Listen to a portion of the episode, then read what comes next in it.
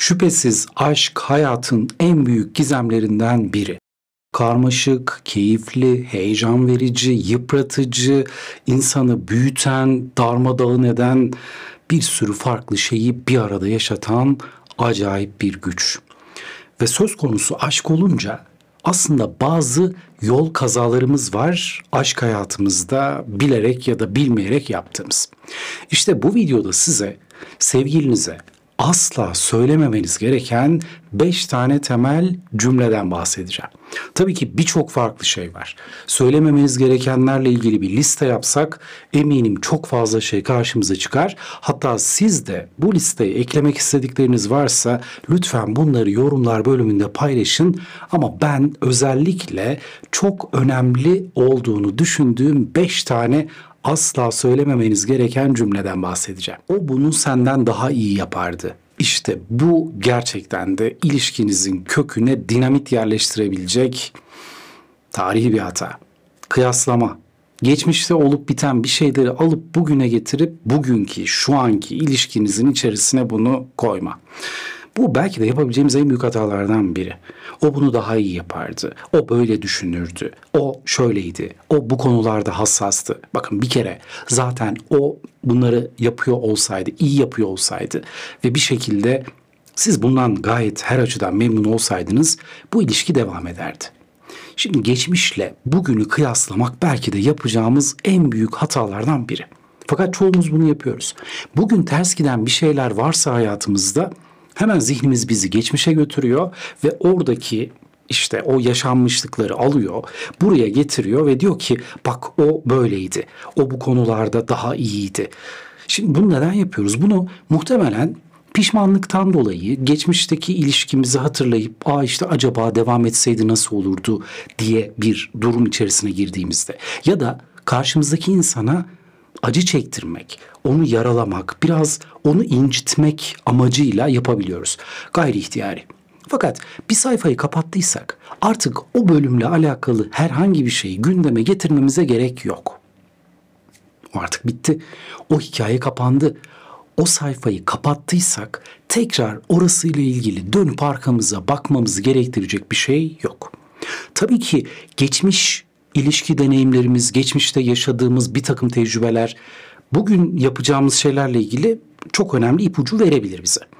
Seçimlerimizi belirlememize yardımcı olur ya da bir takım şeylere dikkat etmemiz gerektiğinde bunları hatırlayabiliriz ama her defasında eski sevgilim böyleydi. Eskiden bak bunları yapardım. O böyle davranırdı. İşte sen böyle yapıyorsun ama o çok daha bu konuda iyiydi gibi bir takım sorgulamalar asla girmeyin. Hele hele bunu tabii ki hiçbir konuda yapmayın ama cinsel yaşamda bunu asla yapmayın. Çünkü bu çok travmatize bir durum ortaya çıkarabilir. Bu kıyaslamalar gerçekten de ilişkinizin az önce söylediğim gibi köküne dinamit yerleştirmeniz demektir. Bunlar arada belki de çözülebilecek bir takım düğümler varsa bunları tamamen koparmanıza neden olabilir. Bu yüzden amacımız sağlıklı, yapıcı bir şekilde iletişim kurabilmek, problemleri doğru bir şekilde konuşabilmek. Bu yüzden de asla yapmamamız gereken, söylemememiz gereken şeylerin başında birinci sırada bu yatıyor. Yani onu kıyaslamak, o böyleydi, eski sevgilim böyle davranırdı, şöyle yapardı, böyle konuşurdu falan. Yani o zaman neden bitti diye sorarlar değil mi size?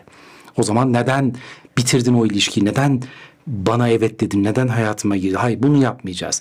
Bakın her ne olursa olsun. Evet eski sevgiliniz dünyanın en mükemmel insanı da olsa, harika biri de olsa o sayfa bitti artık. O orası kapandı devam etse ederdi.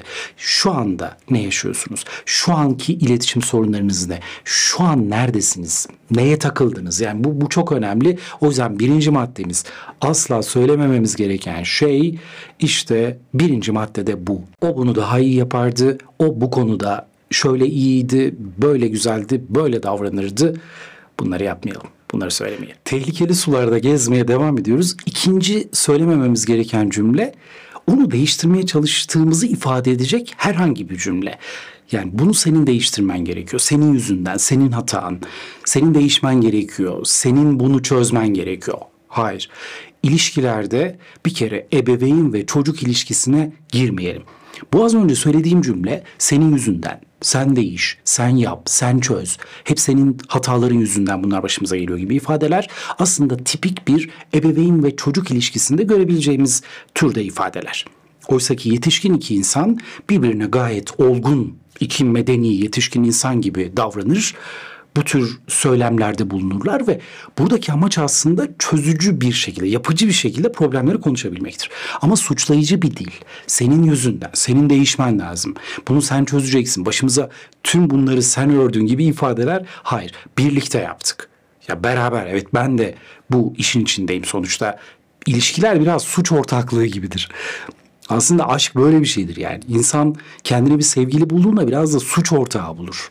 Yani bu, bu tabii ki mecazi anlamda bir suçtan bahsetmiyoruz. Ama hani bir problem varsa birlikte olmuştur. Yani belki yüzdesi biraz farklıdır birinin. İşte kimisi yüzde altmıştır, yetmiştir, elli beştir. Hmm, hani diyeceksiniz ki hayır yüzde yüz onun. Belki de böyledir evet ama o zaman zaten patolojiktir bu ilişki. Bakın bir ilişkide eğer siz şunu söylüyorsanız problemin tamamı ona ait. Her şey onun yüzünden ve gerçekten böyleyse etrafınızdaki insanlar, arkadaşlarınız, eş dost onaylıyorsa o zaman bu patolojik bir ilişkidir. Devam etmemesi gerekir zaten bu ilişkinin. Ya mesela şiddet vardır evet tek taraflıdır bu. Ya siz hiçbir şey yapmıyorsunuz karşı taraf aldatmıştır tek taraflıdır. Ama iletişimsel problemlere baktığımızda bunlar genellikle birlikte beraber ortaya çıkan sorunlardır. Ve böyle bir durumda işte sorumluluk alabilmek lazım. Senin yüzünden sen yaptın işte senin değişmen gerekiyor gibi cümleleri kullanmamamız lazım. Bir kez daha yineliyorum. Problemler eğer gerçekten tek taraflıysa, oransal olarak baktığımızda hani sorunun yüzde yüzü senden kaynaklı diyor iseniz ve çevredeki insanlar hatta bir otorite, bir uzman bunu destekliyorsa, onaylıyor ise ya da en azından buna evet dediyse e, bu patolojik bir ilişkidir ve zaten bu ilişkinin bir şekilde destek alarak düzeltilmesi ya da farklı bir yöne evrilmesi gerekir. Ama bunun dışında kalan tüm seçeneklerde problem bize ait. İkimize ait. Yani yarısı benim, yarısı senin. Hadi bakalım birlikte oturalım, beraber çözelim diyebilmemiz lazım. Üçüncü olarak birbirimize lakaplar takmak. Bir takım işte muhtar, müdür, hacı falan yani bunlar çok gerçekten absürt ifadeler. Eşine, sevgilisine böyle hacı ne haber, muhtar ne haber, işte müdür gel otur falan yani bunlar söylenecek şeyler değil kullandığımız ifadeler, lakaplar, takma isimler ya da benzetmeler biraz böyle adabına uygun olmalı. Yani bir yetişkin insanın söyleyebileceği şeyler olmalı. Sevgilinizi böyle pıtırcığım, kelebeğim, minnoşum falan diye sevmeyin. Onu bebeğim, belki bebeğim evet kullanılan bir ifade ama onu böyle çocuk sever gibi, onu böyle bir erkek için küçük bir kız çocuğunu sever gibi ya da bir kadın için küçük bir erkek çocuğunu sever gibi sevmeyin. Ona bir takım lakaplar takmayın. Ona gerçekten olgun, yetişkin iki insan nasıl konuşursa, nasıl bir iletişim kurarsa bu şekilde iletişim kurun. Ya da buna benzer bir takım sembolik ifadelerde bulunun ama kalkıp da böyle hani saygıyı kaybedecek bir şekilde hani bir insan eşine hacı ne haber der mi ya? Adı hacıdır o başka.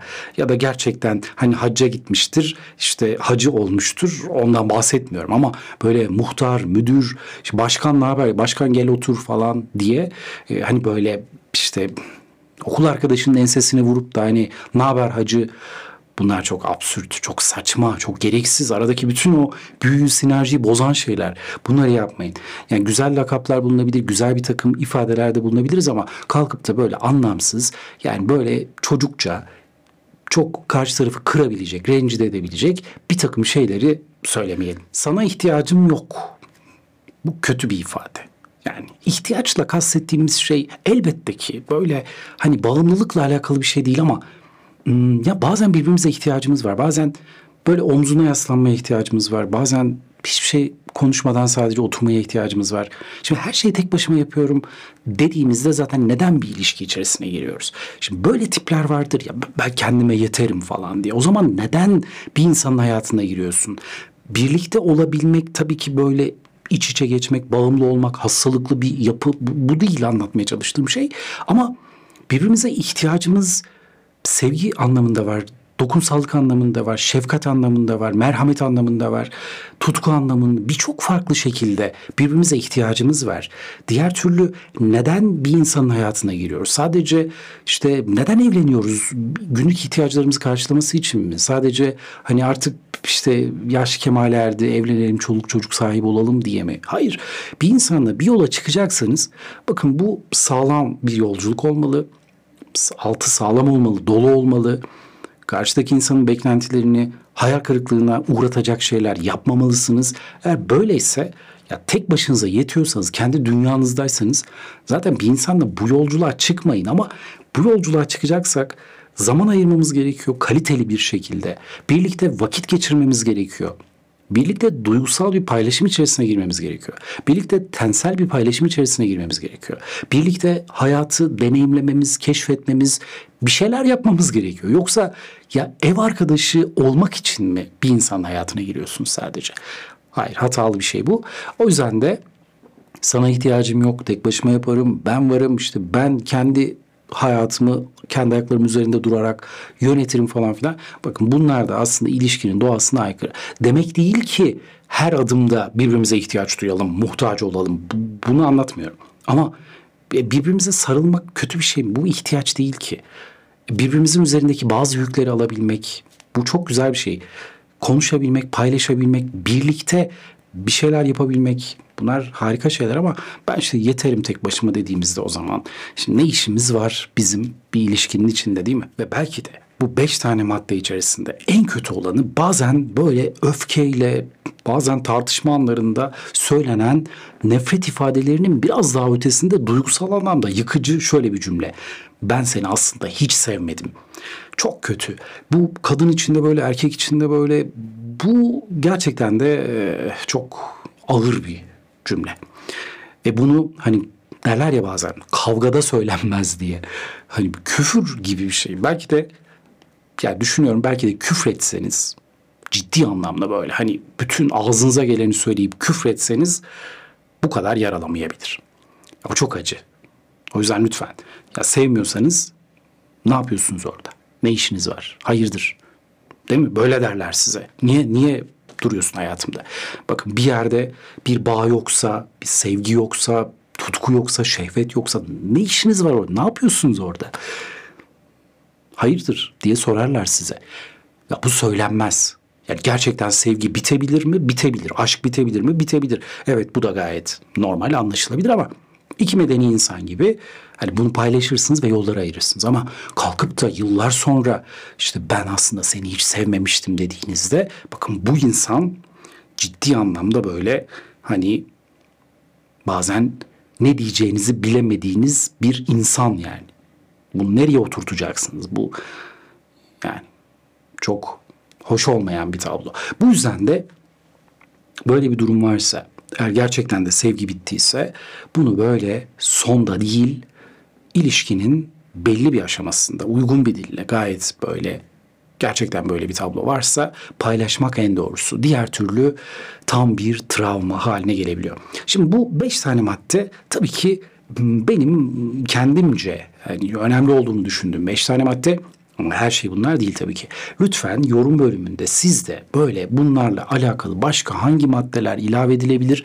Sevgilinize, eşinize asla söylememeniz gereken hangi maddeler vardır? Bunları ilave edin. Bunlar tabii ki sadece duygusal birlikteliklerde değil, sosyal etkileşimlerde de çok önemli. Yani bir insana güvenmediğinizi söylemek ya da onu sevmediğinizi söylemek, onu biriyle kıyaslamak bunlar hiçbir yerde zaten hoş değil ama böyle yakın ilişkilerde, özel ilişkilerde bunlar çok daha yıkıcı olabiliyor.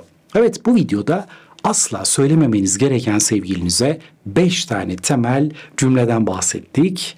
Umarım size bu anlamda güzel bir fikir verebilmiştir. Keyifli bir e, sohbet edebilmişizdir. O halde bir başka videoda görüşmek üzere. Hoşçakalın.